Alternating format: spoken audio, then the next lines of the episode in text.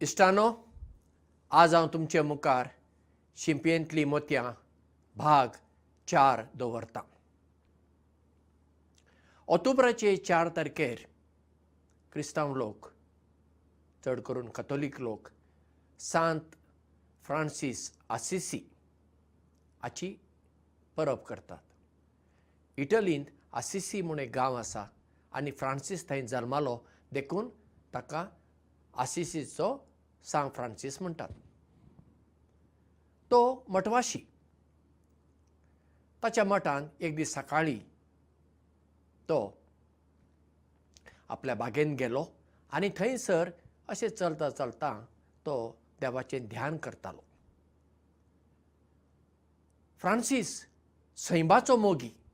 ताका रुखा झाडांचो मोग सुकण्यां सावजांचो मोग मनजातीचो मोग सगळ्यांचेर तो मोग करतालो. आनी तो त्या बागेंत असो नियाळ करतना थंयसर ताका एक सुकण्यांचें पील जमनीर पडलेलें दिसलें. ताणें तें आपल्या दोनूय हातांनी उखल्लें धाकटुलें पील. रूख उंच आसा. रुखार तें पील पडलां. आतां रुखार चडपाक ताका जावचें ना आतां हे पिलाक खंय तरी दवरूंक जाय. तितल्यार मागण्याची घांट वाजली. मठाची. आतां मागण्याचो वेळ. मागण्याक वचूंकूच जाय. आतां हे पिलाक खंय दवरूं? हे वटेन ते वटेन ताणें पळयलें आनी थंयसर बागेंत ताका एक शेणाचो थापो दिसलो. आनी ताणें त्या सुकण्यांच्या पिलाक त्या शेणाच्या थाप्यांत बरें घालून ताच्या आंगा भोंवारी सगळें शेण घालें. फकत बोंच इतलीच वयर दवरली. आनी तो हात धुवन कोपेलाक गेलो मागणें करपाक. ते मागणें आनी सकट जातच परत धांवन आयलो. आतां ह्या सुकण्यांच्या पिलाक त्या शेणांतलें काडूंक जाय ताका नितळ करूंक जाय. बाबडो येता आनी कितें पळयता? शेणाच्या थाप्या कुशीन सगळीं पाकां पडलीं आसात सुकण्यां पील ना. फ्रांसिसाक समजलें जेन्ना आपूण मागणें करूंक गेलो तेन्ना फ्रांसिसाचो बुकलो आयलो आनी ह्या माजराच्या पिलाक ताणें शेणांतलो भायर काडून त्या सुकण्यांचे पिलाक ताणें खावन सोडलें. आतां हे काणयेंतल्यान कितें शिकूंक मेळटा? जो मनीस आमकां शेणांत घालता तो आमचो दुस्मान न्हय. तो आमचो इश्ट आसूं येता. आनी जो मनीस आमकां शेणांतलो भायर काडटा तो आमचो इश्ट आसतलो अशें ना. तो आमचो दुस्मानूय जावं येता. आतां पळया. फ्रांसिसान त्या सुकण्यांच्या पिलाक त्या शेणांत कित्याक घाल्लें? ताका मारून उडोवपाक? ना. ताचो जीव वाचोवपाक इश्टागतीच्या मनोभावान ताणें हें केल्लें ताणें शेणांत घालें. म्हणजे फ्रांसीस त्या सुकण्या पिलाचो इश्ट जावंक सोदतालो. हो बुकलो येता आनी शेणांतलो त्या माजरा पिलाक भायर काडटा. कित्याक? ताका वाचोवपाक ना. ताचे मतीन कितें आसा? आतां आपणाक खावपाक आतां बरें मेळ्ळें. आयतें सुकणें पील मेळ्ळें.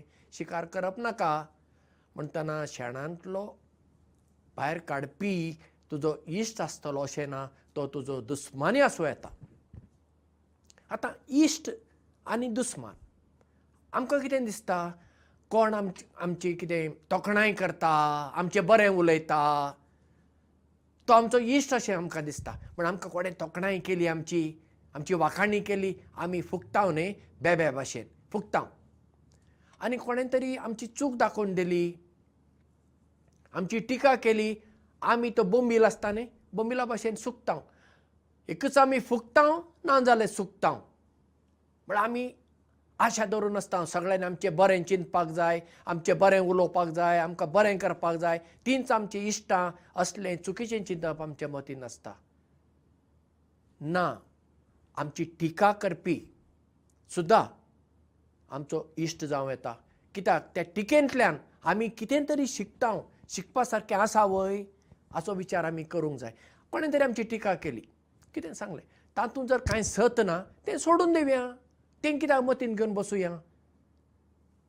पूण आमचे दुस्मान म्हणजे आमी पळय चिंतता ते दुस्मान सुद्दां आमच्या जिविताक हातभार लायता. आतां पळय आमी केन्ना केन्ना वखद घेता. कित्याक वखद घेता? पिडेक वखद जाय न्ही. पावसान आमची एक परंपरा आसली कोंकणी लोकां मदें पावसान आमी किरायतें पियेता. कित्याक किरायतें पियेता? किरायतें कोडू. तें कित्याक जाय आमकां? पूण किरायतें जाय. कित्याक? तांतल्यान आमचें रगत नितळ जाता कूड नितळ जाता. देखून आमी किरायतें पियेता. म्हणजे मनशाक गोडसाणूय जाय आनी कोडसाणूय जाय पडटा. म्हणून आमची टिका करपी ते आमचे दुस्मानच अशें आमी म्हणूंक जायना. ते आमचे इश्ट जावं येता आनी त्या टिकेंतल्यान पळय आमी सुदारता न्ही आतां पळया म्हाका जर आतां एक बरो फुटबॉल खेळगडी जावपाक जाय तर तो कोच आसा तो म्हाका तापयतलोच न्ही. तो म्हणटलो सकाळीं उठून हांगा ग्रावंडाचेर ये आतां फुटबॉल खेळ अशें कर तशें कर वो व्यायाम कर तें कर हें कर. तो सांगतलोच न्ही. पूण ताणें सांगलें म्हणून हांव ताचेर रागार जालो. हांव फुटबॉल खेळगडी जावचो ना. हांव फुटबॉल खेळचें सोडून दितलो तो कोच कित्याक अशें म्हाका तापयता? कित्याक तो म्हजी चुकी दाखोवन दिता? कित्याक ताचे मतीन आसा हो खेळगडी बरो खेळगडी जावपाक जाय. अशें दर एका माळाचेर जाता न्ही आतां इस्कॉलांत आमकां शिकोवपी टिचर आसता मास्तर आसता ती सुद्दां आमकां तापोवणी दितात केन्ना केन्ना. पूण तापोवणी दिल्ली ती तापोवणी आमी खंयच्या अर्थान घेता? ताचेर आसा.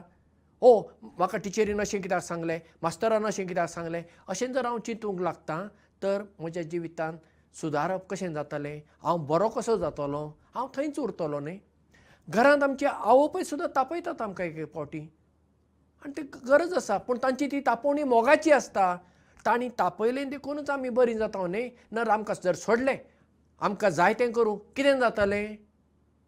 भुरग्यांनी चॉकलेटी मागले म्हूण खंयची आवय वा खंयचोय बापूय दीसभर चॉकलेटी दिता आयस्क्रीमूच दिता?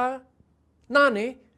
चॉकलेट दिता केन्ना दिवंक जाय कितल्यो दिवंक जाय हे आवय थरयता न्ही. खूब चॉकलेटी दिल्यो जाल्यार दान पिड्यार जातले भलायकी पिड्यार जातली म्हणटच आवय जेन्ना भुरग्यांचेर तापता ती तापोवणी मोगाची आसता तें मोगाचेंच एक रूप आसता. तिका अशें तापोवणी दिवंक आवडना पूण तें करचें पडटा तिणें. हें भुरग्यांनी समजून घेवचें पडटा व्हडांचेर आमचेर. आतां चिंत हांव आतां एका ऑफिसान काम करतां एक कचेरीन काम करतां थंय म्हजे परस व्हड म्हजो बॉस आसता. म्हाका बॉस एक दीस तापयता आसतलो. घडये म्हजी चूक आसत. आतां म्हजी जर चूक आसा आनी बॉसान जर म्हाका तापयलें हांवें तें घेवपाचें. कित्याक? म्हजी चूक जाल्ली आसा. पूण जेन्ना अशेंय जाता म्हजी चूक ना. आनी तरी म्हाका तापोवणी पडली. आतां कितें करूं हांव? रडत बसूं काम सोडून दिवं. अशें कशें जातलें बरें बॉसान सांगलें पूण तातूंत म्हजी कांय चूक ना. हांवें सांगलें बॉस आयकना. आसूं आज ना फाल्यां बॉसाक समजतलें म्हजी चूक नासली म्हणून. पूण ह्या मनोभवान हांव जेन्ना जियेतां म्हज्या जिवितांत एक नवें जिवीत येता. एक वेगळें जिवीत येता. बॉस तेन्ना म्हजो दुस्मान जायना. बॉस म्हजो इश्ट जावं येता. आनी इश्ट आनी दुस्मान हे खंयच्या अर्थाचेर आमी थारायता आमकां बरें करपी आमचे इश्ट अशें आमी म्हणटा आनी आमकां आड पांय दिवपी आमचे दुस्मान म्हण आमी अशें लेखता तशें ना. एक इश्ट सुद्दां बऱ्या मनोभावान आमकां आदार करता अशें म्हणूंक जायना. खूब फावटी इश्ट अशें आसता ते कामा पुरते मामा. ते आमकां आदार करता. कित्याक तांकां तांकां आमचे कडल्यान कितें तरी फायदो जाय देखून ते आमकां बरें करता. कितले मेरेन? आमचे तावन तांकां फायदो आसा सर ते आमचे इश्ट जाता. जेन्ना फायदो ना ते आड नदर करून कुशीन वेता. तर ते आमचे खरे इश्ट म्हूण कशें म्हणूं येता? हें आमी समजून घेवंक जाय. इश्ट फकत आदार करपीच आसना. खरो इश्ट जर जालो तूं जेन्ना चूक करता तो तुजी चूक दाखोवन दितलोच आनी दिवंकूच जाय. तोच खरो इश्ट आसता. तुजे चुकीचेर आड नदर करप. आसूं म्हाका कित्याक पडलां? हांव कित्याक वायटपण घेवं? अशी चिंतपी आमचो खरो इश्ट न्हय आमचो खरो इश्ट आमकां एका हातान आदार करता आनी एका हातान आमी केल्ल्यो चुकी दाखोवन दिता आनी आमकां वयर सरपाक आदार करता. जशें पळय एका निसणीचेर चडपाक ताका खूब पावंडे आसात एक एक एक एक पावंडो चडूनच आमी वयर वेता न्ही? एकच फावट आमी पयल्या पावंड्यार तावन वयल्या पावंड्यार पावता? ना. एक एक एक एक पावंडो चडूंक आसा. आनी एक एक पावंडो चडपाक खूब कठीण आसा. कोणें तरी आमकां सांगपा जाय बाबा असो पांय दवर अशें धर अशें धर अशें धर अशें करून वयर सर अशें आमकां सांगतात न्ही? तो कोच जावं आवय बापाय जावं इस्कॉलांनी म्हणा कॉलेजींनी जावं आमकां शिकयतलीं जावं. इगर्जांनी फादर म्हण वा आमचे धर्माचे गुरू म्हण ते आमकां सगळे वयर सरपाक आदार करता. हें चिंतप जर आमी घेतलें आमच्या जिवितांत आमी वयर सरतले. आनी तें जावपाक आमी प्रयत्न करुया. इश्ट आनी दुस्मान अशे दोन आमी गट करचे परस आमकां इश्टूय जाय आनी आमकां दुस्मानूय आसूंक जाय. इश्टांक लागून आमी वयर सरता आनी दुस्मानाक लागून आमचे थंय इल्ली खालतीकाय येता ल्हानपण येता पूण दोगूय इश्ट आनी दुस्मान आमच्या जिविताचे दोन भाग. जशे एका नाण्यांक दोन कुशी आसात न्ही? नाणें कॉयन दोन आसात. त्यो कुशीन काडूंक जायना. दोनी आसात. ते दोन कुशींक लागून एक नाणें जाता न्ही? तशें इश्ट आनी दुस्मान आमच्या जिविताचे भाग म्हूण आमी घेवया आनी आमी फुडें सरुया. देव बरें करूं? मोग आसूं